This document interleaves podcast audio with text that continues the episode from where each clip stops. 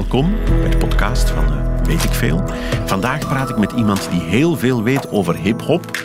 Dat is heel vreemd, want zijn zoon weet alles over hip-hop en ze hebben samen een boekje geschreven. Maar daar gaan we het niet over hebben, want Patrick de Rink is voornamelijk klassicus. En vandaag hebben we het met hem over Alexander de Grote. Radio 1. Weet ik veel met Sven Spijbroek. Goedemiddag, dag Patrick de Rink. Hallo. Uh, klassicus, want we gaan het over Alexander de Groot hebben. Die heel jong is gestorven. Ja, ja, ja, ja dat is waar. Um, in, in, het, het, vorige uur heb ik het er met Evert en met Sabine Hagedorn over gehad. We hebben een quizje gedaan. De vraag was, van wanneer is Alexander de Grote? Ja. De mensen weten dat niet. Oei. Dat is ik wist het zelf ook niet, moet ik eerlijk bekennen. Dat gaan we dan straks op, verklappen. Op, op, op 10, 12, 13 eeuwen na Oei. Ja, ja, ja, Sabine Hagedorn. Enfin, sympathieke en intelligente vrouw, daar niet van. Hè, maar die dacht dat het in de tiende eeuw was. Ai. En Evert dacht dat het zeker, zeker, zeker na Christus was. Mij wacht een mooie taak. Om de bevolking alles te vertellen over Alexander de Grote. Weet ik veel? Alexander de Grote, wanneer? 356 geboren, 324 gestorven, nog net geen 33. 32 jaar was die mens. Ja. Maar dat is een beetje... Dus om te beginnen, wat al opvalt, is hij is heel oud. Hè? Het is van echt lang geleden.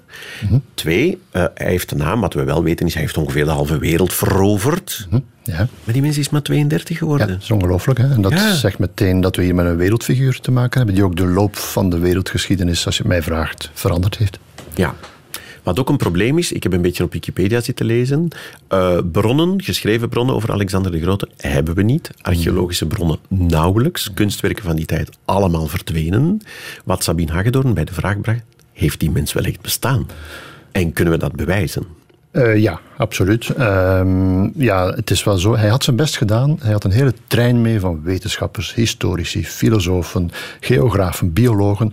Juist om zijn hele expeditie goed te documenteren. En inderdaad, wat je zegt klopt. Uh, er is nauwelijks iets van bewaard. Uh, maar in de eerste eeuw na Christus, dan zijn we 400 jaar na Alexander de Grote, dan duiken er bronnen op die die eerste bronnen gebruikt hebben en die uitgebreid over hem schrijven. Dus dan zijn we 400 jaar later, als onze bronnen eigenlijk, die wij nog kunnen lezen, Mhm. Latijn en Grieks, uh, biografieën van Alexander uh, schrijven. En die, ver, die verwijzen naar andere bronnen, maar die zijn we kwijtgespeeld. Die zijn we groot, ja, inderdaad, die zijn we kwijt. Ja. Uh, dat wat betreft geschreven bronnen. Maar dan heb je, en je gaat er een beetje snel over, er zijn wel degelijk kunstwerken bewaard uit de tijd van Alexander. En altijd een heel belangrijke bron als het over de oudheid gaat, munten. Ja, zijn, dat, dat heb ik daar juist verteld tegen Evert. Ja. Ik zei van, we hebben hier en daar wel een munt gevonden, Klopt. waardoor we weten hoe hij eruit zag. Ja, inderdaad. Hij, is, hij was klein, als je daarop aandringt hoe hij eruit zag. Dat en, kan je niet zien aan een munt, hè? Nee, dat is Meestal waar, is dat alleen het hoofd. Dat wordt dan dus beschreven in die bronnen die ik net noemde, eerste, tweede eeuw na Christus, nog eens inderdaad 400 jaar na datum. Mm -hmm. Oké, okay, dat is een probleem, hè? dat is een probleem op ja, zichzelf. Ja, ja, ja. Absoluut, ja. Uh, klein en, heel bijzonder, hij had uh, twee kleuren van ogen. Dus zijn ogen hadden verschillende kleuren, David Bowie-achtig. Ja, het zal wel zijn. Wat in de oudheid geïnterpreteerd wordt als dit is een heel bijzondere figuur. Ja, ik heb ook in mijn hoofd gestoken dat hij oranje haar had. Ik weet niet meer waar ik dat vandaan heb. Maar... Dat weet ik ook niet. Dat heb ik ja, zelf ja. niet gelezen. Want zo wordt hij in stripverhalen en zo wel eens afgebeeld als, als een soort ja, blond op zijn minst. Toch? Ja, dat is een gevaarlijke bron, stripverhalen. Dat is waar. Want Alexander heeft dus, ja, hij is zo gigantisch groot geweest, figuurlijk dan, dat hij nog bij zijn leven al een mythe was. Dat er allerlei verhalen de ronde deden over hem, die half of helemaal niet, of maar, of maar 75 procent uh, klopten. Dus ja. je moet oppassen met wat je leest over Oké, okay. ja, nee, dat is waar. Uh, ik heb ook ergens gelezen, en dat was toch al, dat was al van artsen en zo, die onderzoek hadden gedaan naar, naar het schijnt, wat we hebben van afbeeldingen van hem, zou hij zijn hoofd een beetje scheef houden.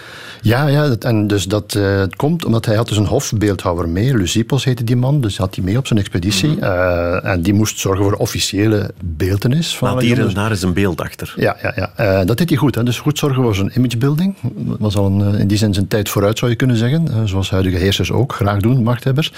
Dat deed dus Alexander ook. En als je in een museum tegenwoordig een beeld ziet van Alexander, gaat dat heel vaak terug op die allereerste beelden die die Lucipos heeft gemaakt. Inderdaad, zo wat scheef, omhoogkijkend. Uh, ja. ja. En dat is dan, de theorie van die dokters was, dat is niet zomaar een houding die toen in de mode was of zo. Er was iets aan de hand met Alexander. Ja, hij, ja er zijn verschillende theorieën. Hij zou een probleem hebben gehad met een van zijn ogen. Is, is een van de theorieën. Maar er zijn nog andere. Je hebt misschien een andere gelezen. Jij, dat weet ik niet. Uh, een erfelijke ziekte van het een ah, of ja. andere. Ja, Oké. Okay. Zijn vader had maar één oog trouwens. Dus, zijn vader uh, had maar één oog? Ja. Oké, was die met één oog geboren? Of? Nee, want er werd veel gevochten natuurlijk. En hij liep Ergens hier en daar al eens een kwetsuur op, zoals Alexander zelf ook trouwens. Zeg, maar het is goed dat jij over zijn vader begint, want dat is een interessante figuur. Juist. Ja, hij is vermoord, om te beginnen. Ja. Hij, hij was, wat- zijn vader was koning van... Macedonië. Ja. Daar begint het verhaal. Macedonië, Noord-Griekenland. En zijn vader heet Philippos. Ik weet niet of je het begrip Philippica kent. Een, een redenvoering die hevig ingaat tegen iemand. Een, Philippica. Eh, dat was eh, in Athene werd er hevig georeerd tegen die Macedoniër Philippos. Want dat was een gevaar voor de Griekse stadstaten, zoals Athene er een was toen. Die barbaarse Macedoniër van het noorden daar. eh, die dreigde dus Griekenland te gaan inpalmen. En dat heeft hij ook gedaan. En daar begint eigenlijk het verhaal van Alexander met eh, zijn vader, die het leger organiseert, reorganiseert, die daar een heel moderne vechtmachine van maakt. Die Griekenland voor een groot stuk inpalmt. Die dus eigenlijk de geschiedenis van de stadstaten, dat- Athene, Sparta, dat ken je wel. Hè? Ja, ja. Daar komt eigenlijk een einde aan met Philippos eerst en dan Alexander. Ah, bon, Eh, dus, dus dat wereld veroveren, hij heeft het van geen honden, Alexander. Eh, het plan was er inderdaad bij Philippos om ook Perzië, want dat is dan het tweede episode, dus eerst Griekenland inpalmen, veroveren, zeg maar. Eh, het tweede grote plan, het grote, het enige grote rijk van toen, Perzië. Ja, het huidige Iran, zo ongeveer. Ja, dat is wel minnetjes gezegd. Eh, Ik weet dat je zo'n dingen tegen een historicus niet mag zeggen. je zou kunnen zeggen, het gaat van het huidige Turkije tot Oezbekistan. Ah ja, wow, Ja. echt zo groot. Dus Perzië was eigenlijk het enige grote rijk toen. Zelfs China was, was nog geen groot rijk. en die kleine Macedoniërs bedenken dan, als we dat nu eens zouden innemen. Ja, ze bedenken dat niet zomaar. ehm, want aan de westkust van dat Perzische Rijk, het huidige Turkije, dus de westkust van Turkije, was eigenlijk Grieks. Dat waren Griekse steden. Mileten, Lesbos, die eilanden liggen daar ook vlakbij natuurlijk. Hè, Halikarnassos enzovoort. Dus dat waren Griekse steden.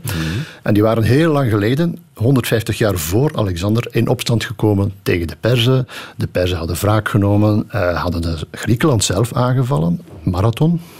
Begrijp De misschien nog iets bij op? Marathon. Ja, ja, Ja, dat was- Wacht, en de Grieken hebben daar gewonnen. Ja, en dan is de boodschapper 42 kilometer en Voilà. Dat is 367 de legende, maar dat, is, dat ging dus eigenlijk over naar huis gelopen om te gaan melden. Klopt. Wij hebben gewonnen. En dan is hij doodgevallen. is hij doodgevallen. Maar dat is de mythe dus. Dat is de mythe. Ja. Daar is een marathon ontstaan. dan Oké. toch. Maar dan zijn we dus 150 jaar voor Alexander. Eh, maar daar begint het verhaal wel. Vijandschap, Perzen, Grieken. Ik zeg het nu simpel, want het gaat hier over Macedoniërs. En dan Ja. moet je zien, een beetje verhouding Grieken-Macedoniërs als Britten en Schotten. Duitsers en Oostenrijkers. Eh, soms dus- samen, soms ja, tegen zo elkaar. verwant. En ze spraken wel Grieks, maar ze hadden ook een eigen taal. Dus er was iets mm, vreemds aan de hand tussen Ah, die Zo'n twee zo Macedoniër en een Griek die konden elkaar verstaan. Ja. Die spraken dezelfde taal. wel, ze hadden een eigen taal, maar ze, hadden ook, ze spraken ook wel courant Grieks. En Philippos deed er alles aan om zijn hof, zijn hofhouding, te vergrieksen. Dus Alexander bijvoorbeeld, dus de zoon van Philippos, is opgevoed door de grote Aristoteles. De grote Griekse Dat filosoof van dat moment. Ja. Ja. die heeft er les van gekregen. Ja, ja, ja. Is dat omdat Grieks een beetje chiquig was? Ja, zo kun je het wel zien. Ja, ja. Dus, eh, ze wilden zich vergrieksen eh, om een beetje status te krijgen, om minder barbaars beschouwd te Ja. worden. Eh, en die Philippos die dacht, we pakken Griekenland. Dat heeft hij gedaan. En dan pakken we Perzië ook. Met dus die Griekse ja, dat was... nederzettingen aan de kust. Juist, dat was zijn plan. Ja. Maar hij is dus vermoord, zoals Ah je ja, zei. waar, ja. En hij kon, heeft zijn plan nooit kunnen uitvoeren. En dat plan heeft Alexander dan wel uitgevoerd. Door wie is hij vermoord? Door een lijfwacht, als ik het goed heb. Eh, bij een of andere eh, soort spel, of bij een wagen of een, paardenwedrennen eh, is hij vermoord. Eh, het is niet helemaal duidelijk waarom. Er waren heel veel intriges aan het hof. Hij had verschillende vrouwen, verschillende kandidaat, opvolgers. eh, klassieke dingen die aan een hof zich voordoen, denk ik. En hij is, het. zoals het in die tijd hoort, vermoord. Maar, maar bij, bij paardenwedrennen, mogelijk Ja, sprongelijk? het was, of- het was bij een openbare gelegenheid alleszins. Ik wil er nu naast zijn, was, maar het was een, een ja, ja. En dan denkt die Alexander, ik ga het plan van papa uitvoeren. Eh, hij was dan 2021 eh, en dat plan lag klaar. Dat leger was hervormd. Ah ja, dus was sterk, Griekenland was ingepalmd, dus het lag eigenlijk klaar. Hij moest gewoon op de startknop duwen. Ja, maar ja.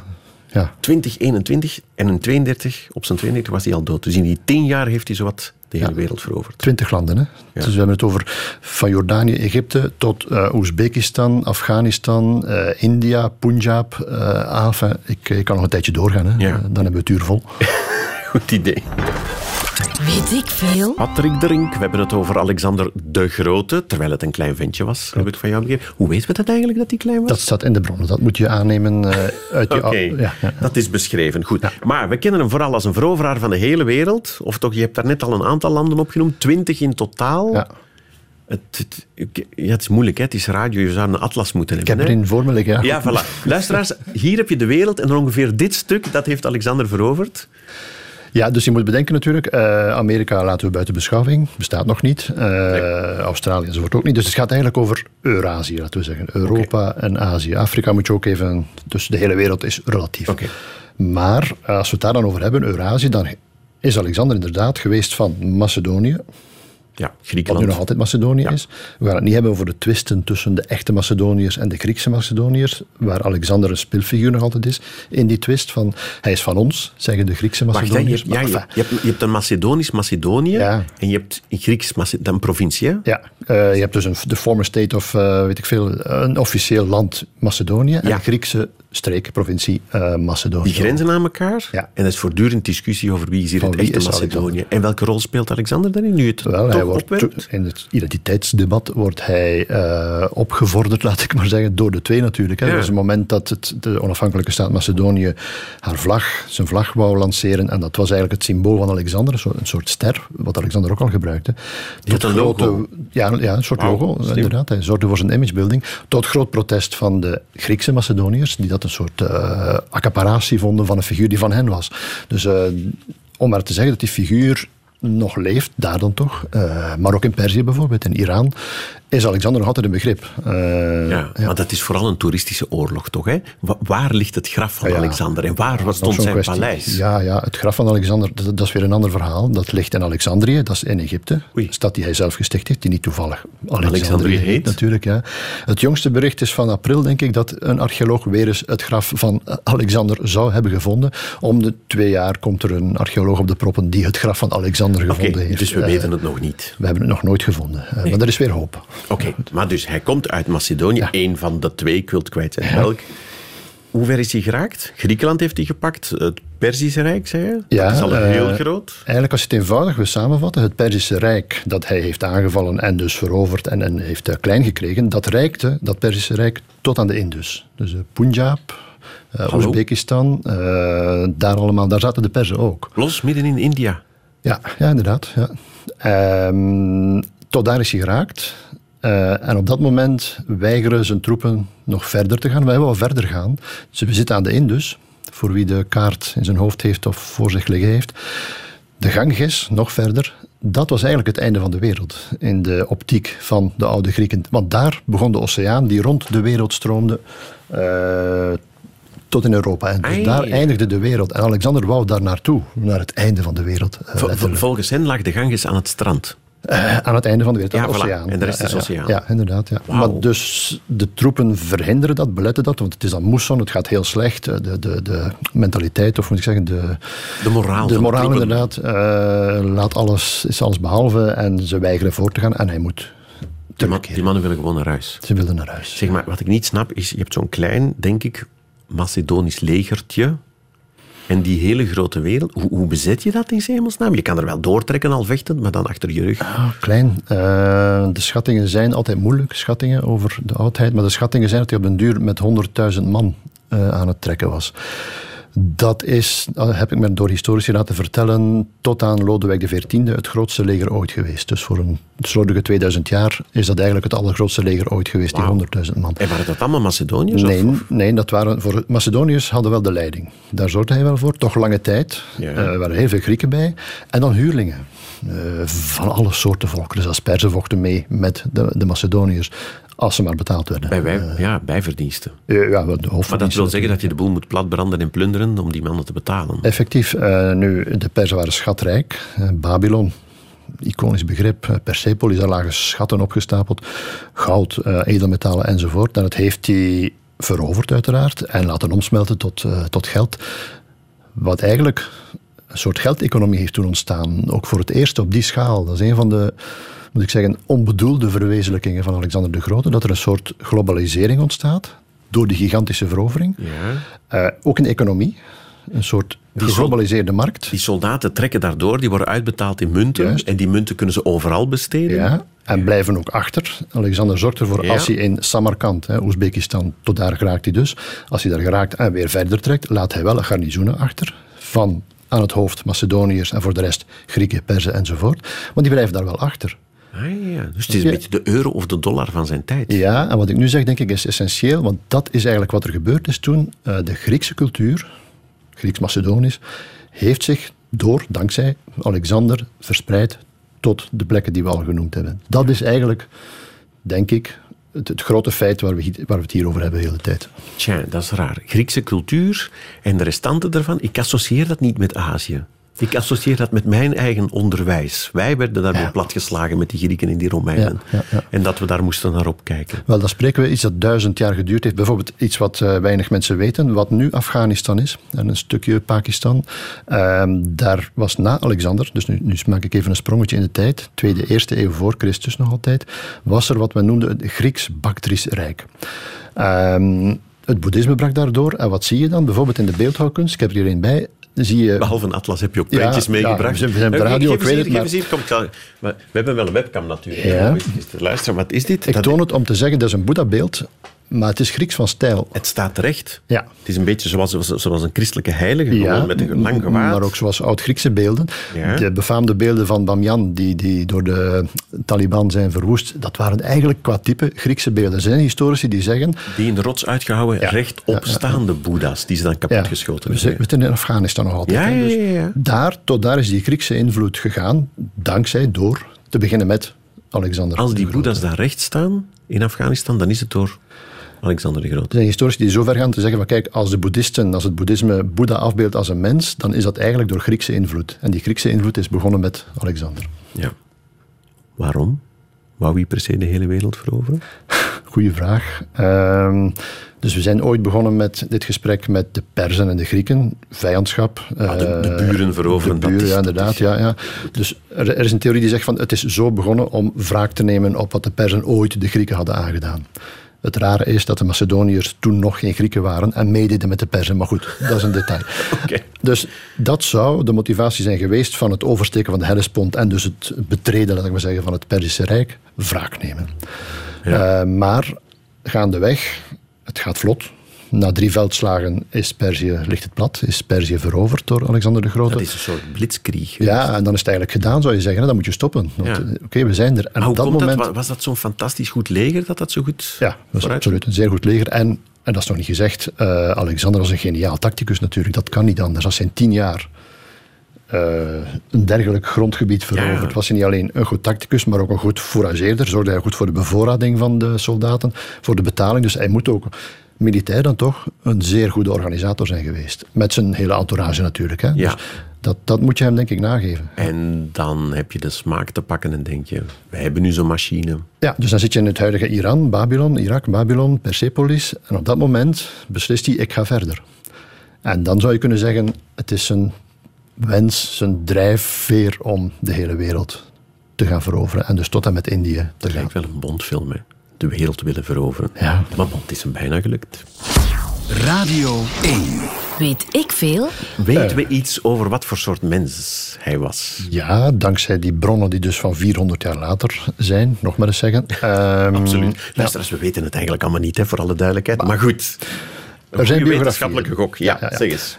Twee theorieën. Uh, ofwel was het een, uh, een, man die een missie had en die uh, Perzen, Grieken, Iraniërs, van alle volkeren die hij op zijn weg ontmoette, wou tot een soort brotherhood of man verenigen in een mooie nieuwe wereldorde. Ja, maar dan wel met geweld. Ja. Als je de hele wereld met een leger verovert, dan kan het toch niet anders. Dat, dat gaat niet zonder slag of stoot. Ja, we zijn in de oudheid, dus je moet het huidige oorlogsrecht enzovoort vergeten. Maar het klopt, hij was rukzichtloos. als iemand tegen zijn kar reed, dan volgde een executie meestal, of toch in veel gevallen. Uh, hij heeft steden platgebrand, verwoest, verkracht. Alles wat legers op oorlogspad doen, ook het zijne.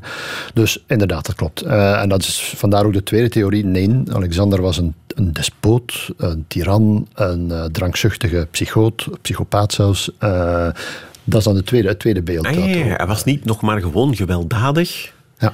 Want, want een paar dagen geleden, hoe zat het hier ook alweer? Ik weet niet meer hoe ter sprake kwam, maar mijn oude leraar Latijn heeft ooit gezegd, jongens, denk eraan, Julius Caesar, dat was dus een massamoordenaar, en niet vergeten. Ja, ja. Hetzelfde zou je kunnen beweren van, van Alexander. Uh, niet toevallig is dat beeld, dit gaat over beelden natuurlijk, hè, is dat beeld sinds de Tweede Wereldoorlog opgekomen. Hitler, Stalin enzovoort. Werd, ja, maar tussen een hardvochtige wereldveroveraar, mm die niet vies is van wat vechten en wat bloed vergieten, en een drankzuchtige psychoot, dat is nog iets anders. Hè? Ja, maar goed, we zullen het nooit weten. Uh, dat is het bronnenprobleem. Uh, die bronnen lopen heel sterk uiteen. Het, uh, de twee beelden leven. Er zijn nog meer details te noemen, of, of ik zeggen, tussenbeelden zou je kunnen zeggen. het was een man, en misschien is dat nog het meest genuanceerde, die inderdaad de ambitie had om wraak te nemen, volgens de propaganda toch, op de persen.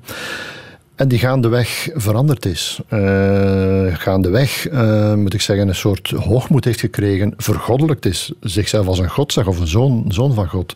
Uh, wat zeer anti-Grieks was natuurlijk. maar dat er dus gaandeweg is gebeurd. En dat hij ook natuurlijk voor het probleem stond. Ik zit hier met een gigantisch rijk, met heel veel volkeren. Ik noem nu tot nu toe alleen Macedoniërs, Grieken, Perzen, maar er zijn nog heel veel stammen en, en volkeren daartussen natuurlijk. Ja, in hemelsnaam, hoe moet ik handelen als vorst, als, als heerser, als machthebber, om het goed te doen voor iedereen? En hij heeft er op een moment voor gekozen, volgens veel bronnen toch, om het op zijn Persisch te doen. Dus om als een soort despoot, eh, zeer hiërarchisch denkend, uh, bijvoorbeeld te vragen dat mensen, als ze hem begroeten, knielden voor hem. Dat was voor Grieken nou dan. Dat, dat, dat, dat deed je niet. Dat deed je niet. ja. Ah ja. Snap je? Dus het zou gaandeweg, zou hij veranderd zijn? Zou hij misschien drankzuchtig geworden zijn? Het kan ook zijn dood geworden zijn trouwens, die drankzucht. Dat is een van de theorieën. Dat is... Dat hij zich doodgezopen heeft. Ja, hij had een drankprobleem. Dat wordt in de bronnen vaak gezegd. Van, er was weer eens een feest en dan lag hij weer eens twee dagen eh, in zijn tent uh, zijn kater uit te slapen. Of oh moet je zeggen. Zeg maar, er ontstaat toch een soort beeld. Als die, die, die, die, dat voetvolk, die soldaten, die kijken dan naar hun generaal. En, en dat is een Macedoniër en die begint zich steeds persischer en raarder te gedragen. En een zot van glorie, denken ja, die dan toch? Ja, ja, inderdaad, ja. Hij is ook naar Egypte geweest. Uh, een hele omweg, als je dat op de atlas zou bekijken, dat hoort niet bij het parcours eigenlijk, was natuurlijk ook een stuk van Perzië. Maar in Egypte bezoekt hij een orakelplek. Om daar te horen van, ben ik nu eigenlijk de zoon van Ammon, de, de god Ammon, gelijkgesteld met Zeus. Met andere woorden. Geloofde hij dat zelf? Of was dat een propagandading om iedereen eronder te uh, Dat is een grote historische vraag. Geloofde hij dat zelf? Of was dat inderdaad weer imagebuilding? We weten het niet. We weten het niet. Nee. Dus hij had een probleem met drank, een uh, probleem met agressie ook. Hè? Ja. Uh, en dan vrouwen, zou ik denken. Ik heb, ik, Wikipedia, mijn bron, als het niet uit strips komt. Alexander heeft niet de reputatie bijzonder tot vrouwen aangetrokken te zijn geweest. Ja, dat lijkt me inderdaad een Wikipedia-zin, ja. Dat is een mooie zin, hè? Wat betekent dat? Ten eerste, hij had een levenslange vriend. Uh, de Hephaestion heet de man al. Ja, zijn leven lang meegaan. Die Hephaestion is gestorven een paar maanden, als ik het goed heb, voor Alexander gestorven is.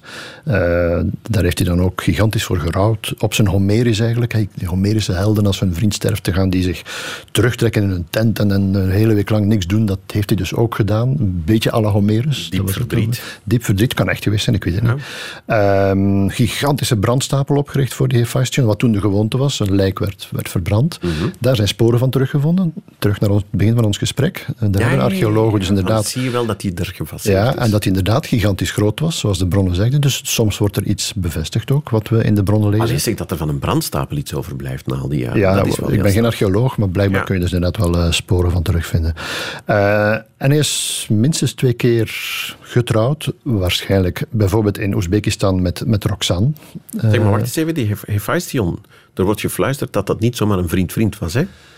Ja, dat die twee gewoon een koppel waren. Ja, maar op zijn Grieks dan. Hè. Uh, zoals je weet, mannenliefde in Griekenland was een gewone zaak. Dat hoefde het huwelijk niet in de weg dat te staan. Dat hoefde het huwelijk niet in de weg te staan. Uh, enfin, het was, was complexer dan ik nu zeg, maar dat kon inderdaad wel samengaan. En hij, er worden een paar namen van vrouwen genoemd waarmee hij getrouwd is, officieel getrouwd is, uit liefde, dat weten we natuurlijk niet. Uh, om tactische redenen getrouwd is, om weer eens een volk te vinden. Ja, want als je er begint over te lezen, is hij is met die getrouwd, is met die getrouwd. Ja. Enfin, nog iets minder dan zijn vader, dacht ik, maar toch een stuk of vijf. Ja, zijn vader was nog erger in dat, in, in dat ja. bootje ziek. Ja. Op een bepaald moment heeft hij ook een soort gigantisch huwelijk georganiseerd. Dat wij alleen van de Moonsecte kennen, die zo met 2.000 en 3.000 tegelijk trouwen. Hier wordt het getal 10.000 genoemd op het einde van zijn leven. En dat is dus mooi dat je dat zegt, uh, dat op het einde van zijn leven valt. Het was een soort symbolisch huwelijk, massahuwelijk inderdaad, waarbij hij wou laten zien van kijk eens, Grieken, Macedoniërs en Perzen en andere volkeren, allemaal samen in hetzelfde bedje, zou ik bijna zeggen, ziek. maar eh, we organiseren dat massahuwelijk als een symbool van kijk eens wat een eenheid wij nu vormen uh, na al mijn veroveringen. Hij is al gestorven en veel van die huwelijken zijn meteen ontbonden. Dat was mijn volgende vraag. Zijn er 10.000 gelukkige huwelijken worden? Maar dat weten we dus niet. Radio 1. Weet ik veel? Hier ligt voor mij een boek dat heet De Alexander-roman, avontuur van Alexander de Grote, vertaald door Patrick de Rink, die staat hier voor mij. Mm Zit aan de overkant van de tafel. Dat, dat is een heel bijzonder iets, hè, die Alexander-roman. Wat is dat voor een boek? Ik heb al gezegd, Alexander was al bij zijn leven een mythe. De grootsheid van zijn dingen gaf aanleiding tot allerlei verhalen. En die Alexander-roman is al ontstaan bij zijn leven ook. En die bevat dus al de meest fantastische, letterlijk, uh, verhalen over Alexander die min of meer berusten op iets dat zou kunnen gebeurd zijn, maar die vaak uh, op de loop gaan uh, met, met de fantasie. Bijvoorbeeld, het ging hier gisteren over de oceanen. Wel, Alexander heeft ooit in een duikerklok, heeft een duikerklok laten maken en is die afgedaald tot op de bodem van de oceaan. Is een van de verhalen, om daar te gaan zien wat daar eigenlijk de hand was. toen wonderlijk moet geweest zijn. Ja, het begrip bestond blijkbaar. Een soort Jules Verne-achtige reisroman is dat eigenlijk. Maar dus als ik dat vandaag op school geleerd heb in allerlei jongensboeken en zo, dat Alexander de Grote bestond, dan is dat vooral door dit boek ook. Ja, dat boek was gigantisch verspreid. Men vergelijkt het soms met de Bijbel in allerlei talen vertaald. Dus wereldwijd, enfin wereldwijd, Eurasië dan, uh, was dat in allerlei versies ook. Deed dat de ronde in deelversies enzovoort. Uh, maar nog eens, het is pure fantasie wat je daar, uh, wat je daar leest. Maar wel vermakelijk. Zo'n Baron van Münchhausen of zo. Ja, ja, is, is het leuke lectuur nog? Want jij hebt het vertaald, dus, dus jij kan het weten. Ja, het is, het is ordinair proza. Het is geen hoogstaande literatuur. Maar ik vind de verhaaltjes wel zo bij de haren gesleurd dat ze weer leuk worden. hij heeft ook het einde van de wereld verkend door een soort uh, ding te maken met twee vogels, waar dan een stok, hij hield dan een stok voor zich, waar een lever aan hing, waardoor die vogels altijd maar verder vlogen. Om zo gezegd, een ezel met een wortel. Ja, zoiets, ja, ja. Ja, ja. En zo heeft hij het einde van de wereld verkend, letterlijk. India was, was, ja, dat was zo'n soort sprookjesland. Hè. Uh, nauwelijks iemand was daar geweest. En je kon er dus van alles over verzinnen, niemand sprak je tegen. En het gaat dan over mensen die met grijs haar geboren worden, die met uh, parasolvoeten geboren worden, die vijf, tenen hebben, uh, vijf voeten hebben, zes voeten, weet ik veel allemaal. Dus rare figuren die je tot en met Columbus nog ziet terugkomen in de literatuur. Dus een soort aan de, aan de randen van de wereld leeft er allerlei raar gespuis. En die figuren zijn eigenlijk uit oudheid afkomstig. Staat de Gordiaanse knoop er ook in? In de Alexanderroman dacht ik niet. Nee. Ah, want dat is zo ongeveer het beroemdste verhaal dat ik ken uit stripverhalen van uh, zijn er nog, hè? Alexander. Ja, zeg eens. Wat Diogenes. De, hij ontmoet de grote filosoof ah, ja, Diogenes ja, ja, in zijn ton, die naakt in zijn ton leeft. En uh, Alexander vraagt: uh, Wat kan ik voor u doen? En Diogenes antwoordt: Ga uit mijn zon. Dat was tegen Alexander de Grote. Tegen, dat tegen zei. de grote, kleine Alexander de Grote. Ah, dat is een grote. ja, maar dus die Gordiaanse knoop, hè, dat ja. is een knoop die je ergens heeft doorgehakt. Vandaar de uitdrukking, de knoop doorhakken. Ja, je verklapt het al. Uh. maar ja, maar iedereen weet dat, Patrick. En maar, dat, ja. hij, dus die was onontwaarbaar en hij is een slimmerik en denkt, ja, dan kap ik die toch gewoon door. Hetzelfde met zijn paard, hè. Zijn paard. Ja, maar wacht, ik ben nog niet klaar. Okay. Waar, waarom was dat een Gordiaanse knoop? Dat ben ik vergeten. Omdat die zich bevond in de stad Gordion, Gordium, ja, ja, waar hij langstrok in Klein-Azië, in het huidige Turkije. En wat was er vastgeknoopt? Een juk aan een wagen. Uh, en dat was een soort, soort puzzel, een soort raadsel waar iedereen zich af... Maar dat is zo een van die propagandaverhalen natuurlijk. Die zegt van kijk eens wat een gezond verstand die Alexander heeft. En niemand kan die knoop ontwarren. En hij door het simpelweg door te haken. Een man van de daad. Voilà, ja, tuurlijk. Ja. Ja, goed. Hetzelfde met zijn paard dus. Wat is er met zijn paard? Wel, uh, hij kreeg op zijn twaalfde een paard, Bucephalus heet dat. Een heel rare naam voor een paard, want dat betekent eigenlijk ossenhoofd, ossenkop. Oké. Okay. blijkbaar had hij op een zijn afdankertje die je gekregen heeft van zijn vader. En het orakel van Delphi had gezegd, wie dit paard kan temmen, uh, die zal de wereld veroveren. Uh, dat is nog zijn vader die dat uh, paard heeft, die dat orakel heeft gekregen. En Alexander vond wat er scheelde met dat paard, dat het maar wild werd en wild van zichzelf en dat zelfs mensen opvrat, zo gezegd, volgens de Alexanderroman. en hij draaide het naar de zon, waardoor het paard zijn schaduw niet meer zag en rustig werd type Gordiaanse knoop. Ja, dat is weer zo'n slimme oplossing. Voilà, ja. ja. Wat dus getuigt van zijn intellect en van zijn uh, daadkracht. Ja, dat van het paard dat het bestond, dat wist ik. Dat heb ik in Wikipedia opgezocht. Uh, Bucephalus zeg je, hè? Bucephalus. Nu weet ja. ik dat ook. Hij had twee huisdieren volgens Wikipedia. Een paard en een hond. Daar ga ik. Ja. Ah, oeh, wat? Ik dacht, jij gaat nu verhalen vertellen over de hond. Nee. Peritas zou die geheten hebben. Ja, het zou kunnen. Dat, dat is nu toevallig een gat in mijn kennis van Alexander, dat hij ook een hond Eindelijk. een gat in je kennis. Zeg maar, um, en ze zouden allebei een stad gekregen hebben.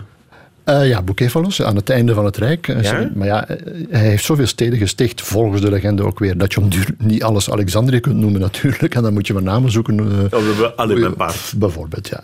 Ja, bestaat dat nog? Je dat nog gaan bezoeken? Oeh, uh, veel van die steden, die Alexandriërs, die hij of zijn opvolgers hebben gesticht, zijn inderdaad het begin van, uh, moet ik zeggen, huidige steden. Samarkand in Oezbekistan, daar is hij ook geweest, daar heeft hij ook een stad of een nederzetting gesticht of garnizoenen achtergelaten. En dat bestaat dus nog. Dus veel van die steden zijn uitgegroeid. Kabul. Zijn belangrijkste slag levert hij bij Gaugamela, dat is bij, vlakbij Mosul. Een bekend begrip tegenwoordig. Ja. Dus, dus veel van die huidige begrippen uh, moet ik zeggen, leven nog. Daar zijn nog steden, niet toevallig. Dus bij ons ook zo natuurlijk. Hè. Uh, ja. ja. Als ik deze vakantie op bedevaart zou moeten gaan, naar iets van Alexander de Grote, wat, ja. wat zou ik dan moeten kiezen? Want zijn graf hebben we niet. Dus Alexandrië, maar dat is natuurlijk een onherkenbaar moderne stad geworden. Maar dat is eigenlijk een succesverhaal. Hè. Alexandrië, gesticht door Alexander, uh, was na hem... Dat is met een haven en zo, hè? Ja, ja, ja. Je zou ja. toch denken dat dat er al lang was? Uh, nee, hij heeft het, hij heeft het gesticht. Hij is begonnen. Ja, ja, ja. En uh, moet ik zeggen, het, na hem is Alexandrië de culturele stad, hoofdstad geweest van, van de toenmalige wereld, zou ik kunnen zeggen, met de bibliotheek enzovoort. Dus voor een stuk de verdiensten van Alexander dat hij daar die stad heeft gesticht. Pergamon, uh, Efeze, dan zitten we dus in, in het huidige Turkije. Uh, zijn steden van na Alexander, Efeze natuurlijk niet, maar Pergamon is ge, heeft gebloeid na hem, dat is een prachtige stad. En Babylon natuurlijk, recent werelderfgoed. Ja, precies, ja, dat zat net in nieuws nog. Ja. ja, waar hij gestorven is. Ehm, maar, maar waarvan we dus niet weten waar zijn graf daar ergens ligt. zijn, zijn, zijn lichaam is dan verhuisd naar Alexandrië door zijn opvolger weer een propagandastunt. Ik ga hem in Alexandrië begraven. Mijn, Ptolemaios was het dan, de farao van Egypte, of de, de, leider van Egypte. En daar wordt dus nog altijd naar gezocht, ja. zoals ik zei. Oké, okay, zijn erfenis dan. Hè? Als we niet, niet echt veel tastbaars hebben, zijn culturele erfenis.